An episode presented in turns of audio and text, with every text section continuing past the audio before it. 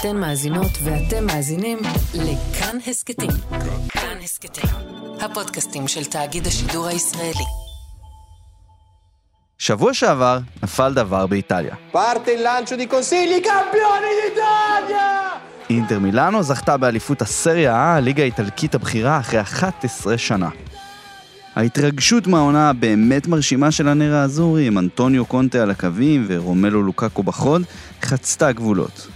בכל זאת, לא בכל יום קבוצה מצליחה להזיז את יובנטוס מהכיסא הקבוע שלה כאלופת איטליה אחרי יותר מעשור. אבל לא הכל מושלם באליפות הזו של אינטר. האמת היא שיש משהו שעשוי להעיב על החגיגה הזו, ודי בקרוב.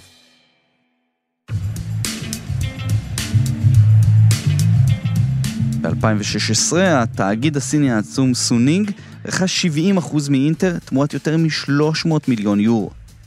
בתוך שנים בודדות, הסינים השקיעו במועדון יותר ממיליארד יורו, וכאמור, הובילו אותו לתואר ראשון אחרי הרבה מאוד זמן. אבל הם לא השקיעו רק באינטר. ממש קצת לפני שרכשה את הכחולים שחורים ממילאנו, סונינג רכשה גם את קבוצת הכדורגל הסינית, ג'יאנגסו. הם השקיעו בקבוצה יותר מחצי מיליארד דולר, וכוח המשיכה הכלכלי של סונינג היה כל כך עוצמתי, שג'יאנגסו אפילו הצליחה לגנוב שחקנים מבוקשים מקבוצות אירופאיות. ובנובמבר האחרון, ג'יאנגסו גם זכתה באליפות הראשונה בתולדותיה.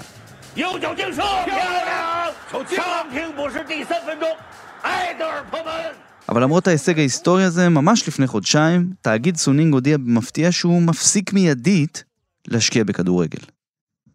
ג'יאנגסו עמדה למכירה ונסגרה בפועל. בהינף יד שוחררו שחקנים, האוהדים נשארו אבודים, וכל ההישגים, הרגעים וההיסטוריה הקצרה והעשירה, תרתי משמע, בכסף ובאירועים, נעלמו כלא היו. האמת שזה מדהים לדבר על הקבוצה הזאת בלשון עבר טוטאלי. אז למרות האליפות המרעננת של אינטר, החשש הוא שמשק כנפי הפרפר מג'יאנגסו יגיע עד מילאנו, ושאינטר אולי תמצא את עצמה בעתיד הקרוב במצב דומה לזה של הקבוצה הסינית.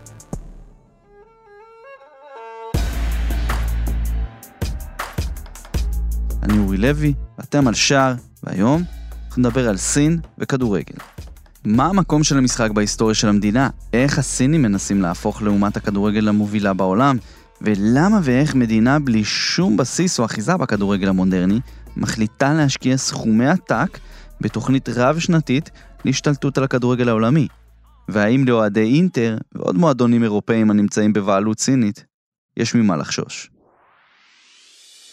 יום בהיר אחד בפברואר 2016, עולם הכדורגל רעד. 我们分别将介绍的是冬季国际转会标王特谢拉。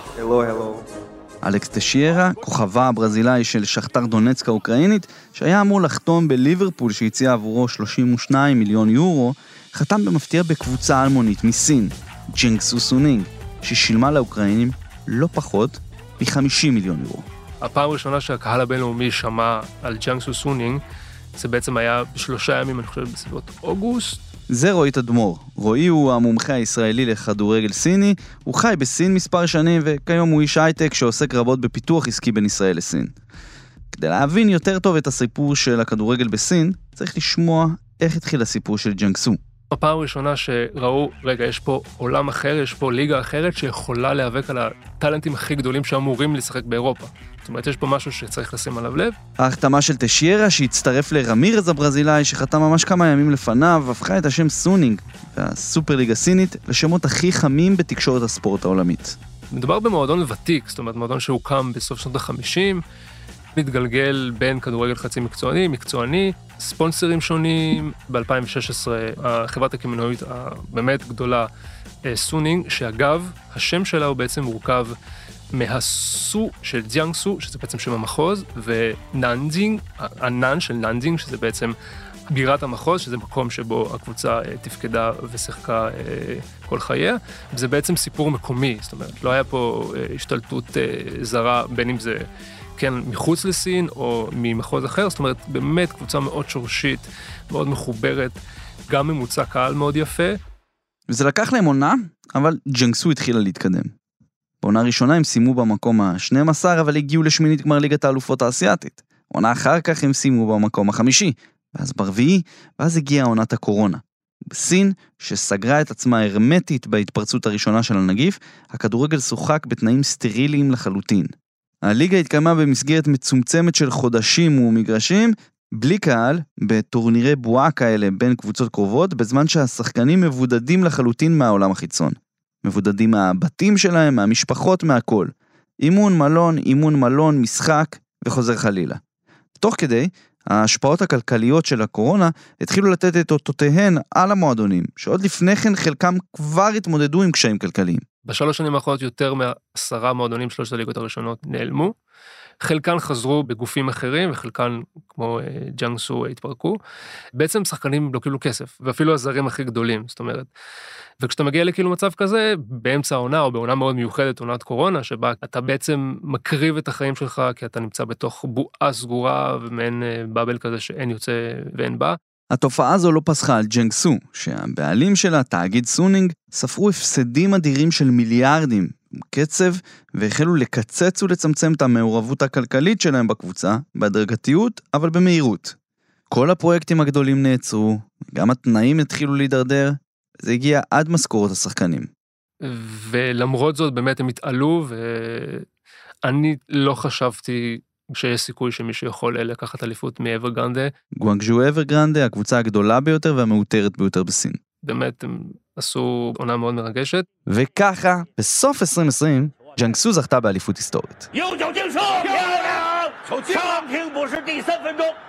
אבל אחרי, אחרי שהעונה נגמרה זה באמת קצת כל מיני סיפורים, המאמן הרומני שלה, אולריו, כשהוא חזר ל, לרומניה, ועוד לפני שהוא חזר לרומניה באמת דיבר על המצוקה הכלכלית הקשה, זה משהו ש, שדי הסתירו, אה, ובכלל כשזה קורה בסין מסתירים, לא, זה לא דברים שכאילו יוצאים החוצה, כדי לא לאבד פנים מה שנקרא בסינית. איך אומרים את זה? 丢脸. 丢脸. לא לאבד פנים. כן, לאבד פנים זה מאוד חשוב, מה, מה חושבים עליך, מה השכנים חושבים עליך, מה הבן אדם בקומה השנייה חושב עליך וכו' וכו'. ולמרות תואר האליפות, סונינג כבר לא היו במצב של להתחשב בה, 丢脸. במה שאומרים השכנים. בכלל בכלל לא. כי Suning.com, החברה המרכזית בקבוצת סונינג, בעיקר בגלל השפעות הקורונה, נכנסה לבעיית נזילות קריטית. ככה, מאחת החברות העולות והחזקות בסין, סונינג מצאה את עצמה בחוב של 2.3 מיליארד דולר, שהיא צריכה להחזיר בתוך פחות משנה. השותפים, כולל הבעלים המייסד, ז'אנג ז'ינג דונג, נאלצו לדלל ולמכור 23% מנכסיהם בחברה. המשמעות בפועל הייתה קיצוצים וצמצום כל פעילות של סונינג שאיננה קשורה למה שסונינג עושה כחברה. קמעונאות. פרופסור סיימון צ'דוויק, ראש המחלקה האירו-אסיאתית לעסקי ספורט בבית הספר למנהל עסקים EM ליון, היושב בפריז ובשנגחאי, שופך אור על הנושא.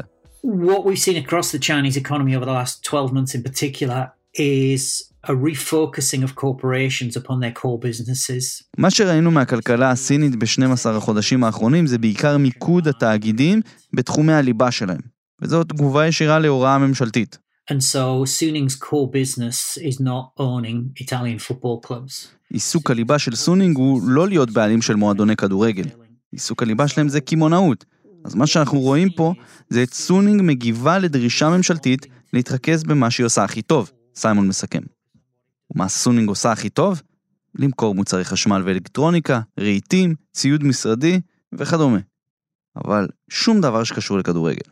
בדרך כלל מה שקורה במצבים כאלה זה שחברה, שהעירייה או בית המפלגה המקומי באותו מחוז משתלט על קבוצות ובעצם מנסה להבריא אותן. אבל דווקא בעיר כמו ננג'ינג שהיא באמת עיר מאוד ספורטיבית, היא אירחה גם אה, אולימפיאדת נוער לאחרונה והקימו שם באמת פארק אולימפי ואיצטדיונים ודברים מאוד מאוד מרשימים. ודווקא פה לא היה מי שיציל אותה. אם זה לא הספיק, קצת אחרי שהסתיימה העונה, בהחלטה שרירותית למדי, ההתאחדות הודיעה על שינוי שמות המועדונים הסינים. מעכשיו, אסור לקרוא למועדונים בשמות הספונסרים, אלא רק בשמות גנריים כמו סיטי, FC וכדומה.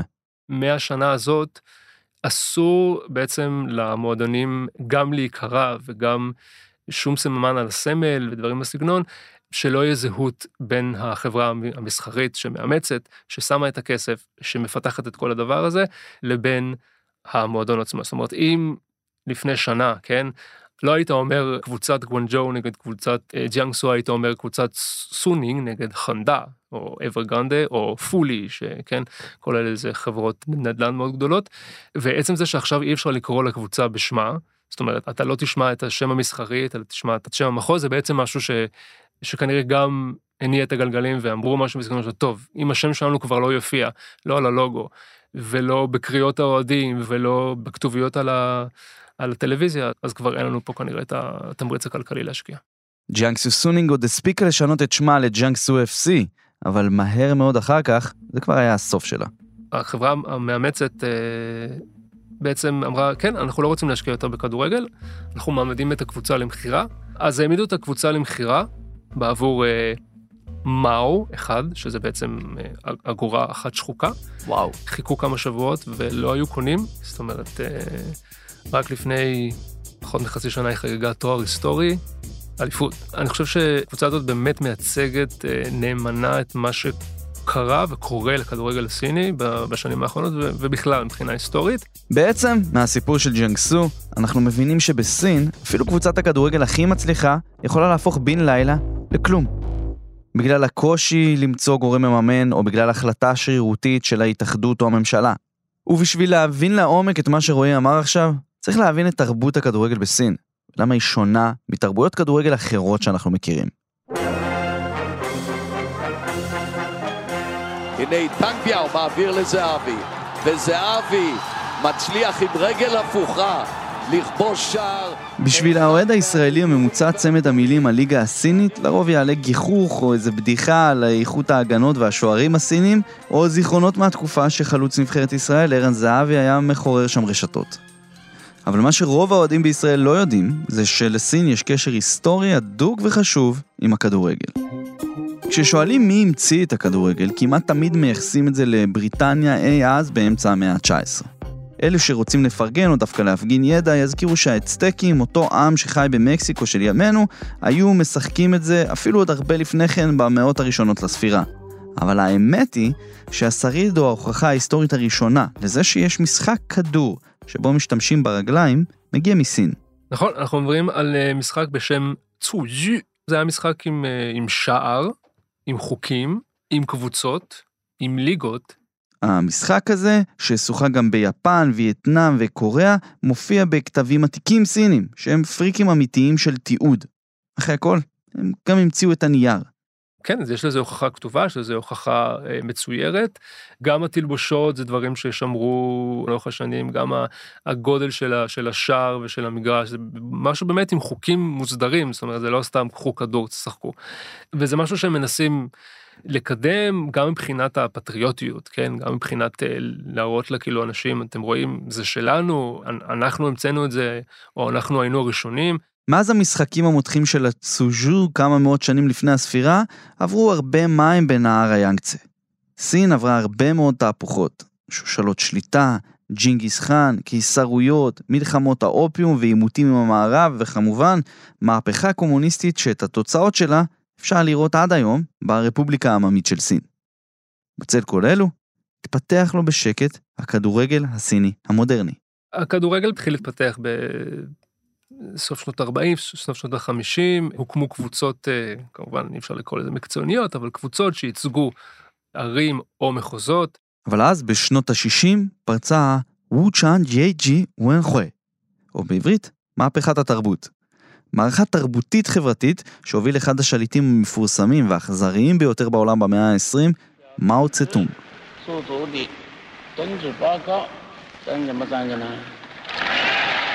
המטרה של המהפכה הזו, לפי מאו, הייתה הבטחה והטמעה של ערכי הקומוניזם בסין, ומחיקת כל סממן קפיטליסטי ומערבי מהחברה הסינית. אפילו שגם אז ראו בו המצאה שלהם, הכדורגל ירד בתקופה ההיא קצת למחתרת. הליגה הזאת הופסקה, בסוף שנות ה-60, תחילת שנות ה-70. סין הייתה אז בשיא של מהפכת התרבות, תקופה חשוכה, אלימה ואכזרית בו הספורט הסיני והספורטאים הסינים שלא שיתפו פעולה עם המהפכה נכלאו ועונו. הכדורגל שלא היה ענף חשוב ובכלל, נחשב לענף אליטיסטי בסין של מאו, כמעט ולא שוחק בשנים ההן. הישועה של הספורט הסיני, ובתוכו הכדורגל, הגיעה דווקא מכיוון אחר, משולחן טניס השולחן, הלוא הוא הפינג פונג.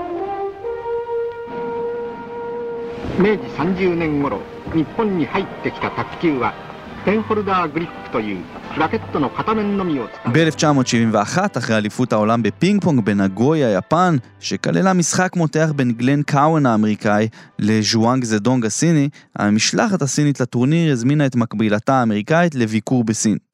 האירוע הזה היווה דף חדש ביחסים בין סין לארצות הברית, שהיו עוינים מאוד עד אז, בשיא המלחמה הקרה בין המערב לרוסיה והגוש הקומוניסטי. ולמעשה, משחק הפינג פונג הזה היווה את המקפצה לביקור רשמי של הנשיא האמריקאי ריצ'רד ניקסון בסין, כולל מפגש עם מאו צטונג בעצמו, שנה אחר כך ב-1972. מאז, היחסים בין סין לארצות הברית ובין סין למערב תפסו גוון וצורה אחרים לגמרי. ובפנים, בתוך סין, פתאום הספורט התחיל לחזור, ועוד ענפים, וביניהם הכדורגל, חזרו להיות רלוונטיים. הזכרת את דיפלומטיית הפינג פונג, אז אני חושב שהשתרשה סוג של דיפלומטיית כדורגל. בשנות ה-80 הגיעו קבוצות אה, מאנגליה לסין, למשחקי ראווה מול השחקנים המקומיים. אה, יש אה, סיפור מאוד מוכר, אה, אנחנו נזכיר את אה, נשיא סין אה, לראשונה, שי זינפינג, שיש סיפור מאוד מאוד נחמד אליו, שהוא תמיד אהב כדורגל והוא אהב לראות כדורגל, וב-83, בהיותו בן בערך 30, שהוא היה אה, מהפכן צעיר, ובאמת מישהו שככה התחיל אה, לטפס בדרגות של המפלגה. הוא נקלע, הוא רצה ללכת, כן, ל- לראות משחק, אה, משחק, אני חושב שווטפורד הייתה קבוצה שהגיעה, ובעצם אה, הקבוצה המקומית נוגפה 5-0. אפשר להגיד, זה משהו שהציק לו, עדיין מציק לו. שהוא ראה את הסינים בזמנו, כן, כמובן שהיו חלשים יותר והיו קטנים יותר, והוא ראה אותם מול, מול האנגלים, אז והוא אמר לעצמו, אוקיי, צריך, צריך לשנות את זה. השימוש בכדורגל ככלי להעברת מסרים או לגישור על פערים, או פשוט לטובת חימום יחסים, תפס, ועוד קבוצות מחו"ל הגיעו למשחקי ראווה וביקורים בסין. והאמת שכל פעם שהגיעה קבוצה מחו"ל זה באמת היה קרנבל, ו- ו- וזה גם עזר לה כאילו דיפלומטיה, אבל הכדורגל עצמו עדיין היה משהו שהוא מאוד אה, בצל של כל הספורט העממי, כן? בין, בין אם זה בנמינטון, בין אם זה טניס שולחן, פינג פונג. בשנות ה-90 משהו סוף סוף זז. הקפיצה הגדולה של הכדורגל הייתה בערך בתחילת שנות ה-90, 91 הוקמה הליגה החצי מקצוענית, ב-94 בעצם פעם ראשונה שאפשר להגיד שהכדורגל המקצועני הגיע לסין. אז גם לראשונה יהיו שחקנים זרים לסין. אחד הפיגורות הכדורגל הראשונות הזרים שהגיעו לסין באמת זכה לסוג של תהילה מקומית לפחות, היה שוער בשם סאשה, זה היה השם, סאשה, כן, זה שמו הסיני. סאשה הוא סאשה פטרוביץ', שוער מונטנגרי שאפילו הופיע פעם אחת במדי נבחרת יוגוסלביה, ועד לא מזמן עבד כמאמן כושר בקירילה סובטוב הרוסית. אבל עם כל הכבוד לסאשה, עם המעבר הזה למקצוענות, בכדורגל הסיני עדיין נשארו כל מיני תופעות הרבה פחות חיוביות. דברים שקשורים לשחיתות, מכירת משחקים. כן, הבעלים מסוימים אוהב שחקן מסוים, אז הוא ייתן לשחק על פני שחקנים אחרים שהם כנראה יותר מוכשרים. בתחילת המילניום גם ג'אנגסו מתחילת הפרק הייתה מעורבת בפרשייה כזו. פרשיית שחיתות ב-2001, שקוראים לה חמשת העכברים בליגה השנייה.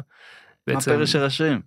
זאת אומרת, היו חמש קבוצות שבעצם אה, בשני המחזורים האחרונים, מה שאומרים בסינית פאנג שווי, בעצם הם מכרו את המשחקים שלהם מילולית זה שמו מים, כן? מילאו את המגרש מים, ובעצם נענשו על ידי התאחדות, וזה משהו שמושרש מאוד בכדורגל בליגה המקומית ובכלל בדעה של הסינים לגבי כדורגל סיני. שנתיים אחר כך, הדעה הרווחת השלילית של הסינים על הכדורגל שלהם קיבלה גושפנקה רצינית ולא מעודדת. וב-2003 הליגה הסתיימה, שנחאי שונחואה זכתה באותה אליפות, אבל כבר משהו כמו חודש אחרי זה התפוצצה פרשייה מאוד מאוד גדולה של מכרז משחקים, שכללה גם שחקנים, גם שופטים, גם בעלים, גם אה, פונקציונרים בהתאחדות, זה בעצם רמס לחלוטין את מה שעוד נשאר קצת מהכבוד ומהדברים החיוביים שהסינים חשבו על ה... לפחות על הליגה המקומית. אחרי הפרשה הזו, השלטונות בסין החליטו לכבות את המשחק,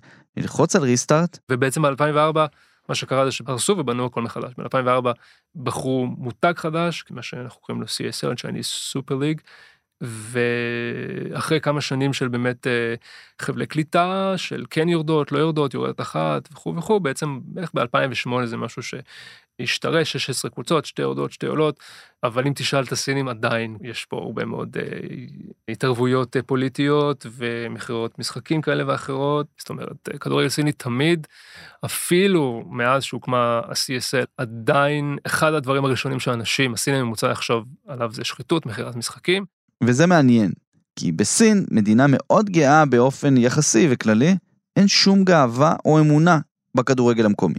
קודם כל, מכיוון שזה לא המיינסטרים, אתה צריך להיות מיוחד, מוזר, תקרא לזה איך שתקרא לזה, אנשים לא יסתכלו עליך בעין כל כך אה, אוהדת. זאת אומרת, אה, זה שתגיד לשכנים שלך או לחברים שלך לספסל הלימודים, היי, אני הולך לראות משחק כדורגל, הם ירימו גבה, למה אתה עושה את זה? למה זה מעניין אותך?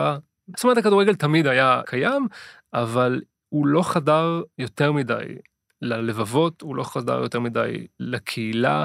ואת זה המפלגה והשלטונות בסין לא אהבו. כי מילא שהליגה המקומית תהיה לא טובה או לא פופולרית, אבל אם זה משפיע על הנבחרת הלאומית, ואיך שהיא נתפסת במשחקים בינלאומיים, זו כבר בעיה.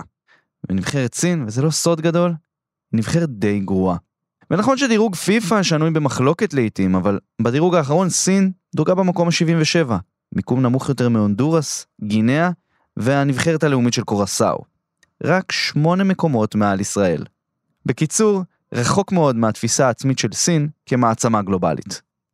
ברמות הגבוהות ביותר של השלטון בסין, הבינו שיש דחיפות לשנות את המצב. וככה, הרשויות יצאו עם אחד מהפרויקטים הגרנדיוזיים ביותר בעולם הכדורגל כרגע, רפורמת 50 הנקודות. תוכנית שהממשלה הסינית השיקה רשמית ב-2015, וכוללת בתוכה את הנבחרות הלאומיות, הליגות המקצועניות, המועדונים המקצועניים, המועדונים המקומיים, הנוער והחינוך לכדורגל. הכל. וכל זה בניסיון להפוך מדינה שהיא כל דבר חוץ ממדינת כדורגל למובילה בתחום, ואולי אולי גם להשתלט על הספורט הפופולרי בעולם.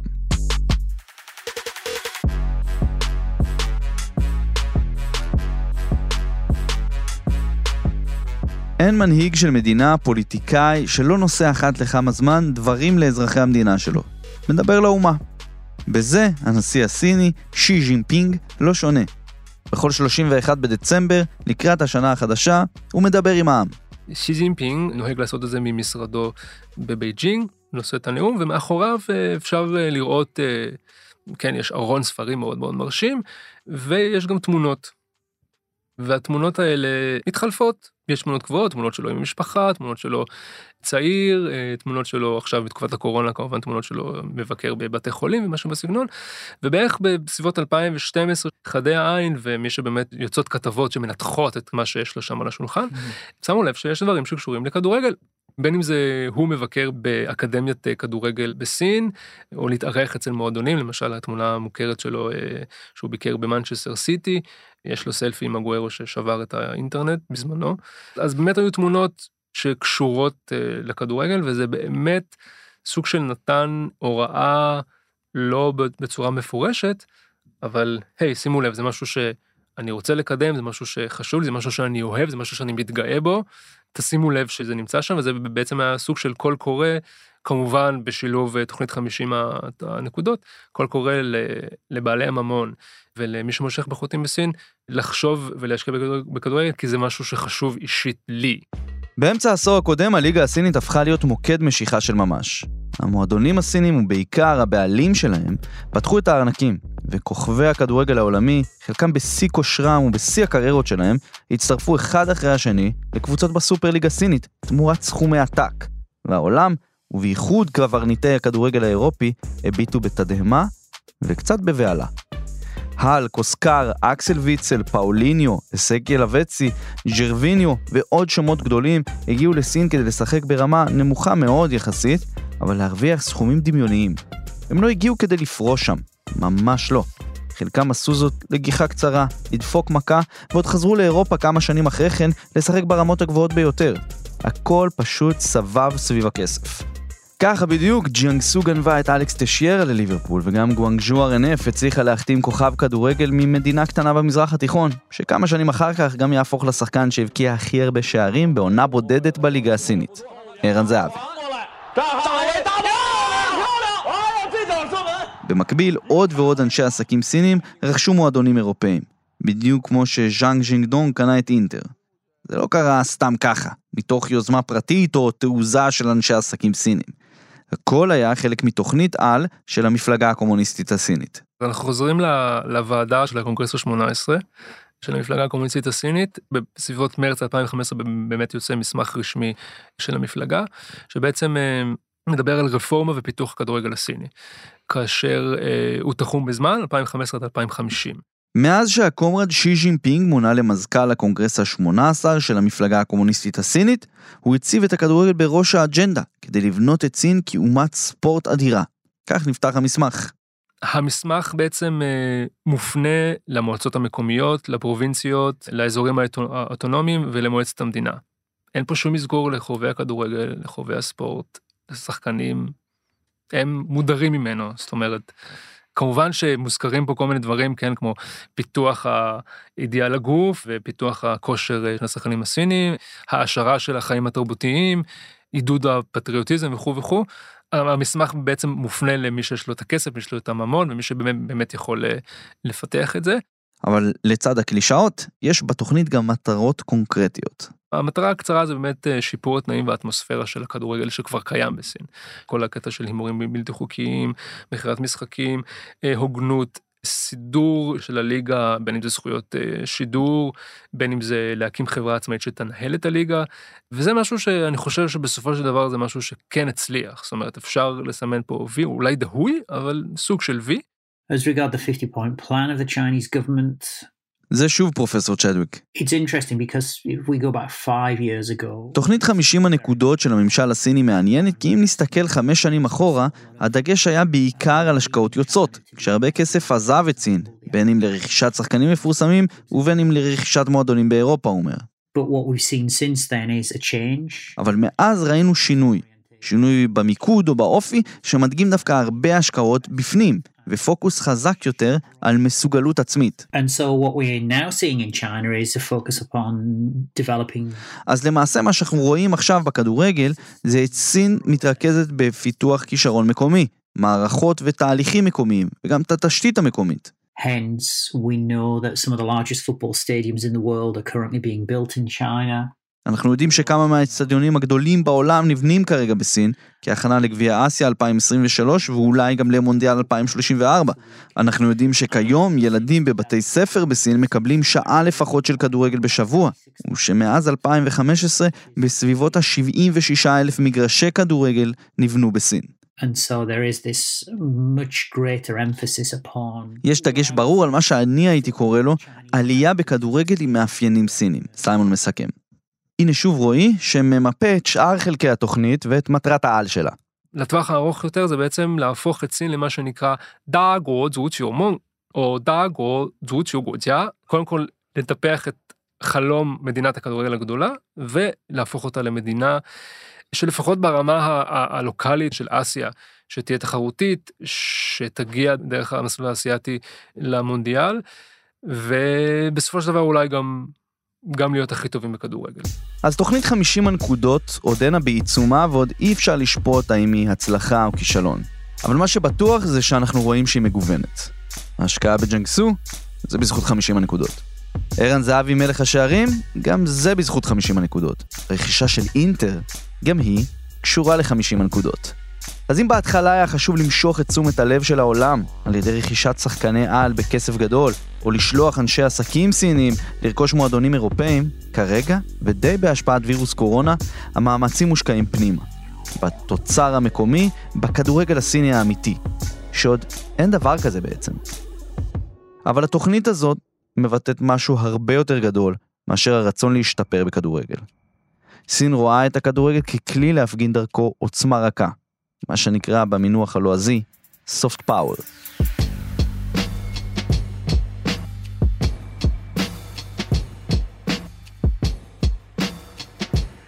עוצמה רכה היא היכולת של מדינה להבליט את הכוח שלה ולהשפיע על מדינות אחרות, דרך תחומים כמו תרבות או ספורט, ולא דרך עוצמה קשה, שהיא בעצם יכולת צבאית.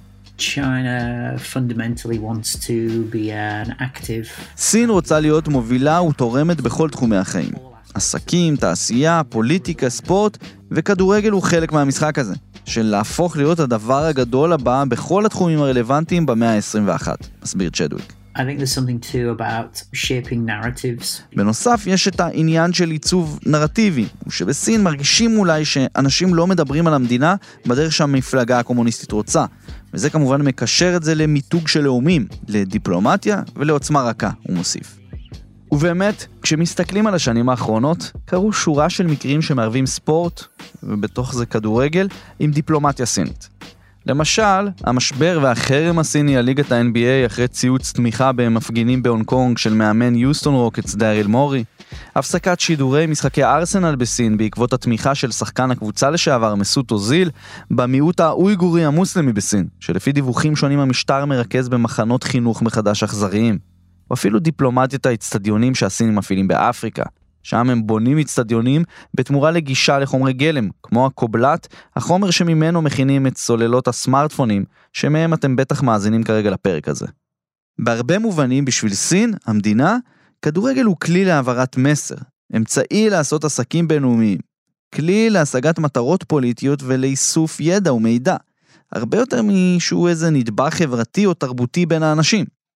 אבל התיאבון של השלטונות הסינים לקחת חלק במשחק הזה ולהוביל אותו חי ובועט. China also wants to, to host the World Cup. סין רוצה לארח את המונדיאל וכל השינויים שקורים עכשיו בכדורגל הסיני מכוונים לשם, אומר פרופסור צ'דוויק. Domestically, there are lots of things happening. Um, there are issues around כלפי פנים יש הרבה דברים שקורים בנושאים של זהות לאומית, לכידות חברתית, בריאות ואורח חיים, וכל אלו הן חלק מזה. There's also something related to soft skills development as well. הרבה מזה גם קשור לפיתוח כישורים ברמה הלאומית, לקיחת החלטות, יצירתיות, חשיבה עצמאית, פתרון בעיות. לסין יש מחסור במיומנויות רכות, ומקבלי ההחלטות מרגישים שכדורגל הוא אחת הדרכים לפתח את המיומנויות האלו ברחבי המדינה. אז האם בעקבות כל השינויים האחרונים, כולל תוכנית 50 הנקודות, סין תהפוך להיות אומת כדורגל מובילה?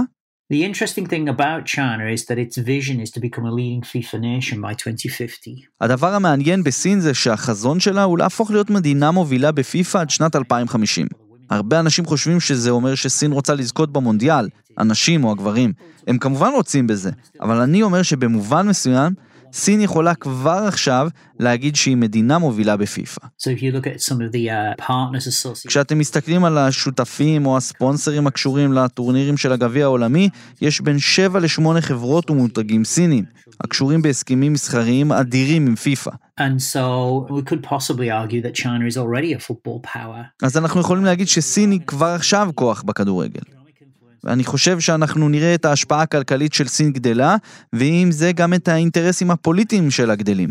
נראה יותר בכירים סינים, ולא רק בפיפ"א, גם במנגנוני לקיחת ההחלטות בהתאחדות האסייתית, כמו שאנחנו רואים את ההשפעה ההולכת והמתעצמת שלה באפריקה. So that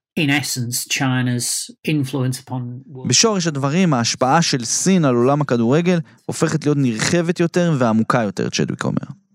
ובעצם, כשחושבים על זה, אין כמעט דבר שסין עושה בכדורגל, או בספורט בכלל, שאין פה אינטרס פוליטי או כלכלי של הממשלה הסינית. תוכנית 50 הנקודות לא שונה, וגם הסיפור של סונינג לא שונה. אז האם זה משנה בכלל אם סין באמת מפתחת את כישורי הכדורגל שלה ומנצחת על הדשא או לא? כל עוד היא ממשיכה להשתמש בכדורגל קודם כל ככלי פוליטי, בשביל מטרות כלכליות בחוץ או לשמירה על יציבות בפנים, אז כנראה שכמו שסיימון אומר, סין היא כבר עכשיו כוח רב השפעה בעולם הכדורגל. פשוט לא על כר הדשא. עדיין.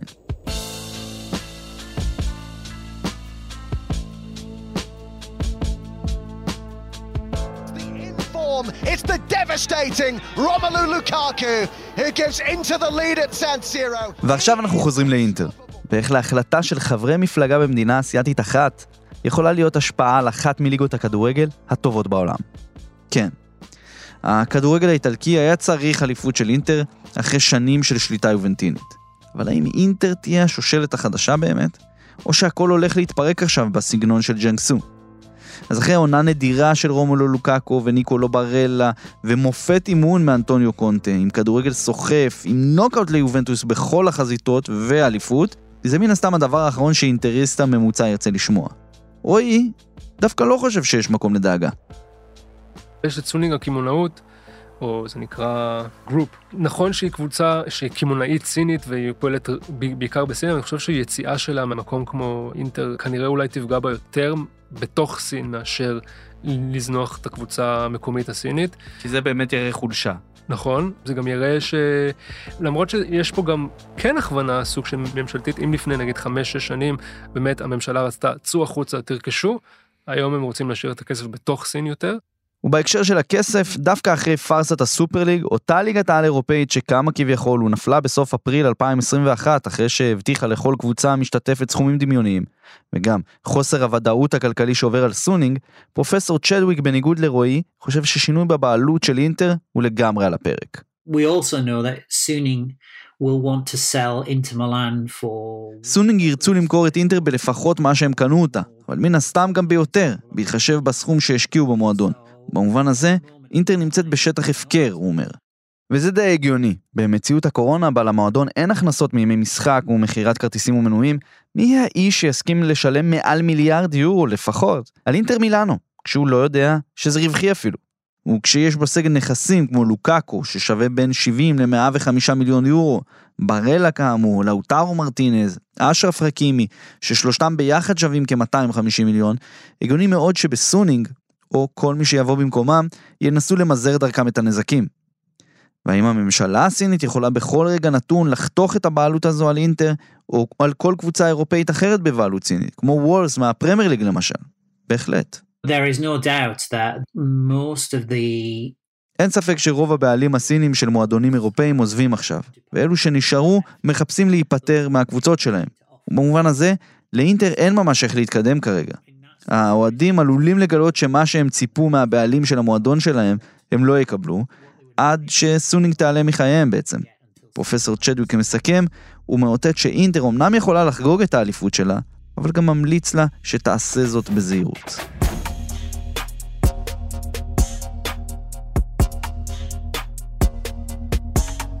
זה היה השער שלכם לכדורגל סיני. תודה רבה לרועי תדמור, רועי טיילו בטוויטר, תעקבו, ותודה גם לפרופסור סיימון צ'דוויק, ראש המחלקה לעסקי ספורט באירו-אזיה, בבית ספר למנהל עסקים ב-EM Lyon, בצרפת ובסין. תעקבו גם אחריו, פרופ מקף תחתון צ'דוויק, אם אתם בקטע של אה, עסקי כדורגל ופוליטיקה. אם אהבתם את הפרק, אז כמובן, תדרגו אותנו גבוה יפה כזה ב-iTunes, תשתפו את הפרק מהספוטיפיי שלכם לסטורי באינסטגרם, ותתייגו גם את כאן, מקף תחתון ישראל, גם את לויניניו, והכי חשוב, ספרו לאנשים על הפודקאסט ושילחו להם לינק, שיקשיבו לאיזה פרק או שניים, או אפילו שלושה או ארבעה, מה שבא להם.